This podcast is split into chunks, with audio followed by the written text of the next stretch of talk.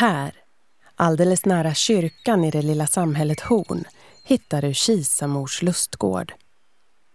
En oas som anlades 2009 till minne av den läkekvinna som härstammar från trakten och som ända sedan början av 1800-talet satt sin prägel på bygden. Här odlas samma växter som Kisamor använde i sin läkekonst. Vid sidan av en fjärilsträdgård, en skolträdgård där mellanstadieelever odlar grönsaker och blommor och en biblisk avdelning där läkeväxter omtalade i Bibeln planterats. Men vem var hon, Kisamor?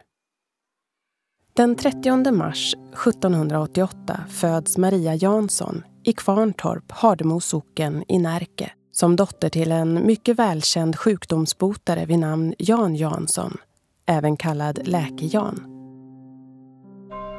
Vid 18 års ålder blir Maria bortgift. Äktenskapet är olyckligt och två små döttrar dör i tidig ålder. Skilsmässa är dock inte aktuellt och Maria söker alternativa vägar bort från sina olidliga hemförhållanden. Hon har under åren, trots sin faders förbud mot att ge sig in i ett så manligt yrke, samlat på sig gedigna kunskaper i botayrket. Därför ser hon en möjlighet när fadern får en kallelse från brukspatronessan Katarina Helena Hellweg på Åby säteri i Horn, vars bror drabbats av kräfta.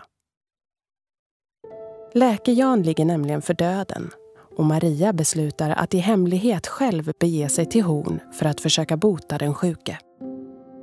Hon förbereder sin avfärd genom att i förväg placera ut sina tillhörigheter i skogen på en plats dit hon beställt gästgivarskjuts en sen kväll. För att inte bli upptäckt av gårdens tjänstefolk reser hon också en stege mot sitt sovrumsfönster på andra våningen och via den klättrar hon iförd en mängd kjolar ner för att påbörja sin botafärd till Horn. Det är höst 1813 när Maria anländer till Horn och redan när hon färdas över bron mot Åby känner hon att trakten är som jord att bli frisk på. Och patienten hon kommer för att bota blir mycket riktigt frisk. Liksom ytterligare en medlem av familjen som lider av tåfistel. Familjen är oändligt tacksam och erbjuder Maria att stanna så länge hon vill. Eftersom hon inte har något intresse av att återvända till sin make tackar hon med förtjusning ja till erbjudandet och Maria flyttar in tillsammans med två av familjens döttrar i gården Flytthem. Det är också där, i Flytthem, som hon 1814 öppnar sin egen botarstuga och börjar sin egentliga praktik. I anslutning till den anlägger hon också en örtagård där hon odlar sina läkeväxter. Maria blir snart upptagen i traktens societet och får träffa många av de berömdheter som gästar de övriga storgårdarna i trakten. Hon blir mer och mer omtalad och patienter strömmar till såväl från huvudstaden som från utlandet för att dra nytta av hennes omfattande kunskaper om inhemska örter. Så småningom får hon en inbjudan till huvudstaden för att besöka den tidigare patienten Jeanette Ståhl som kommit att bli en god vän. Maria avböjer till en början men efter en hel del övertalning och mot löfte att ingen ska få veta vem hon är går hon ändå med på att komma. Trots löftet om anonymitet sprids ryktet och når så småningom hela vägen till Kungliga slottet. En sen kväll söks hon upp av excellens Brahe som i hemlighet för henne till Karl XIV Johan. Kungen får behandling för sin svåra migrän och kronprins Oscar botas från en halsåkomma. Episoden på slottet gör att intresset för Marias läkekonst tilltar. Hon blir till och med kallad till Sundhetskollegiet där hon utan att behöva avlägga sedvanlig examen licensieras till läkare. Efter hemkomsten till Horn flyttar hon från systrarna i Flytthem till Katrineberg där hon fortsätter att behandla folk från när och fjärran, nu på sin alldeles egna mottagning. Många vittnesmål berättar om den barska men omtänksamma och mycket kunniga läkekvinnan. och eftersom hemorten Horn tillhörde Kisas postdistrikt fick hon namnet Kisamor. Örter och läkeväxter är vid sidan av kosten det som dominerar Kisamors praktik. De mediciner hon ordinerar odlar hon gärna själv och hon menar att botemedlen finns på den plats där den sjuke befinner sig. Dåtidens läkare använder i hennes mening på tok för mycket metaller. Fasta är bra någon dag i veckan, mjölk orsakar slemstockning och gör människan dum. Och bröd ska man äta med måttlighet. En av de patienter som söker sig till Kisamor är den 21-åriga Betty Ehrenborg Posse. Hon tillbringar två månader i Horn under hösten 1839 för att behandlas för en böld som befaras vara kräfta.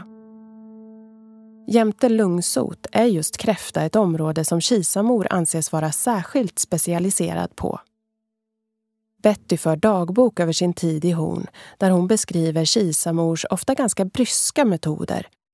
Och vi kan ana tecken på att hon vid det här laget har hunnit bli både bitter och alkoholiserad. Hon nyttjar själv dagligen den kolerabot och universalmedicin hon själv komponerat bestående av sprit blandat med 13 olika örter.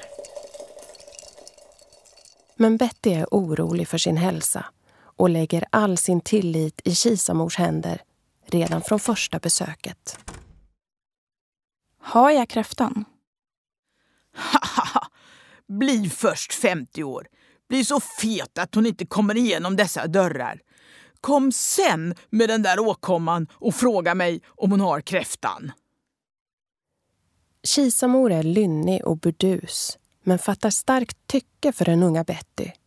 Kanske påminner hon om de två döttrarna som skulle varit jämngamla med patienten hade de fått leva. Hon hade nu beslutat att jag skulle bli hennes vän.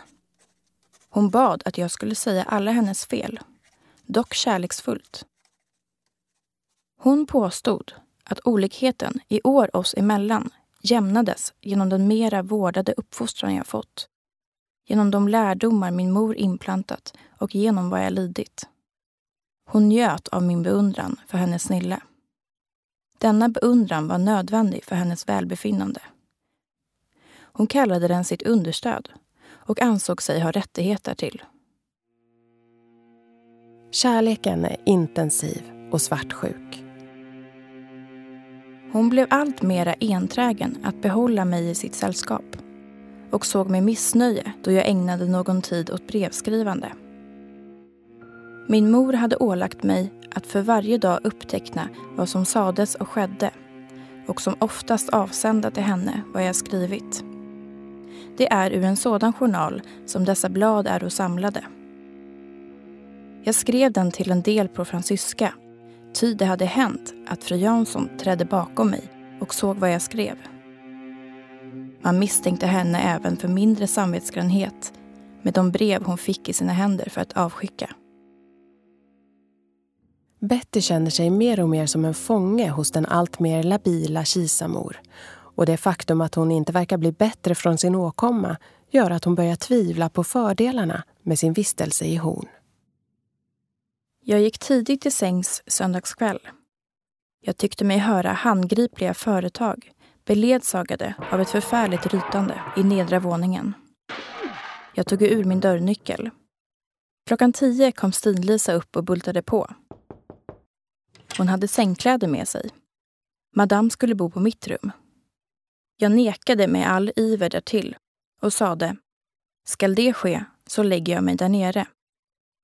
Stin-Lisa överhopade mig med böner och sade att madammen skulle förgöra dem alla om jag ej ville taga emot henne. Jag gav slutligen vika och omsider kom både Stin-Lisa och den förfärliga.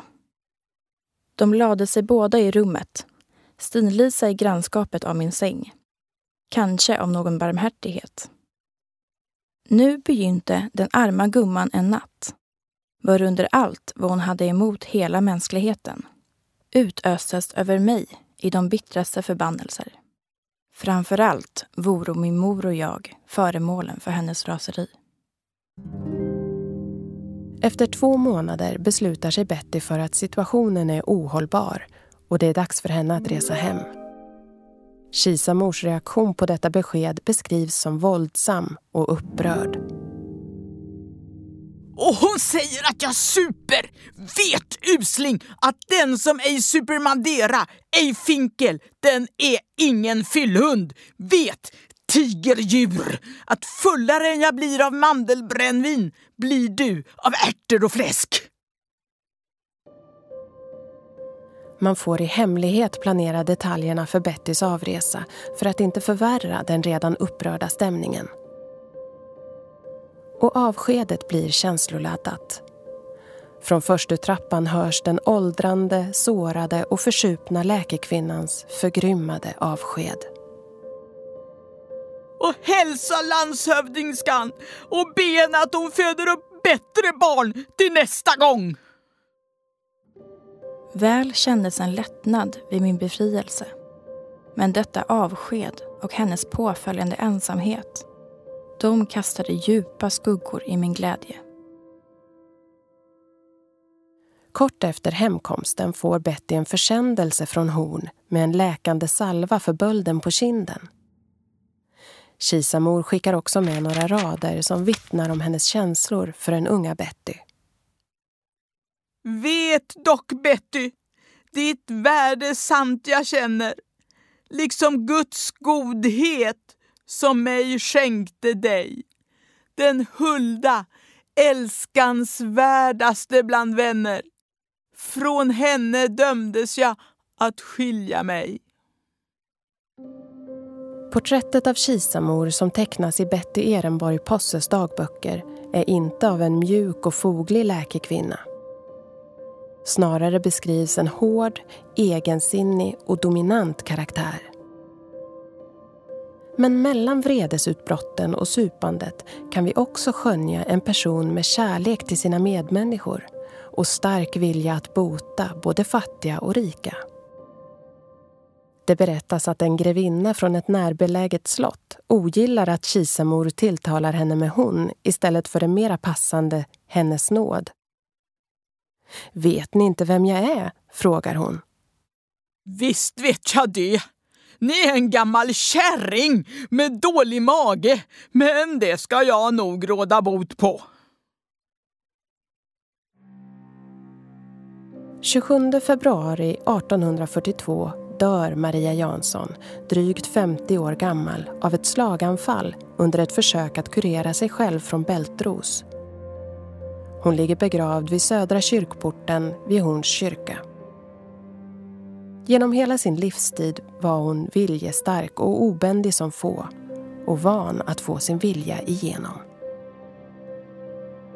När Gud har gjort en människa stor kan man inte begära att hon ska känna sig liten.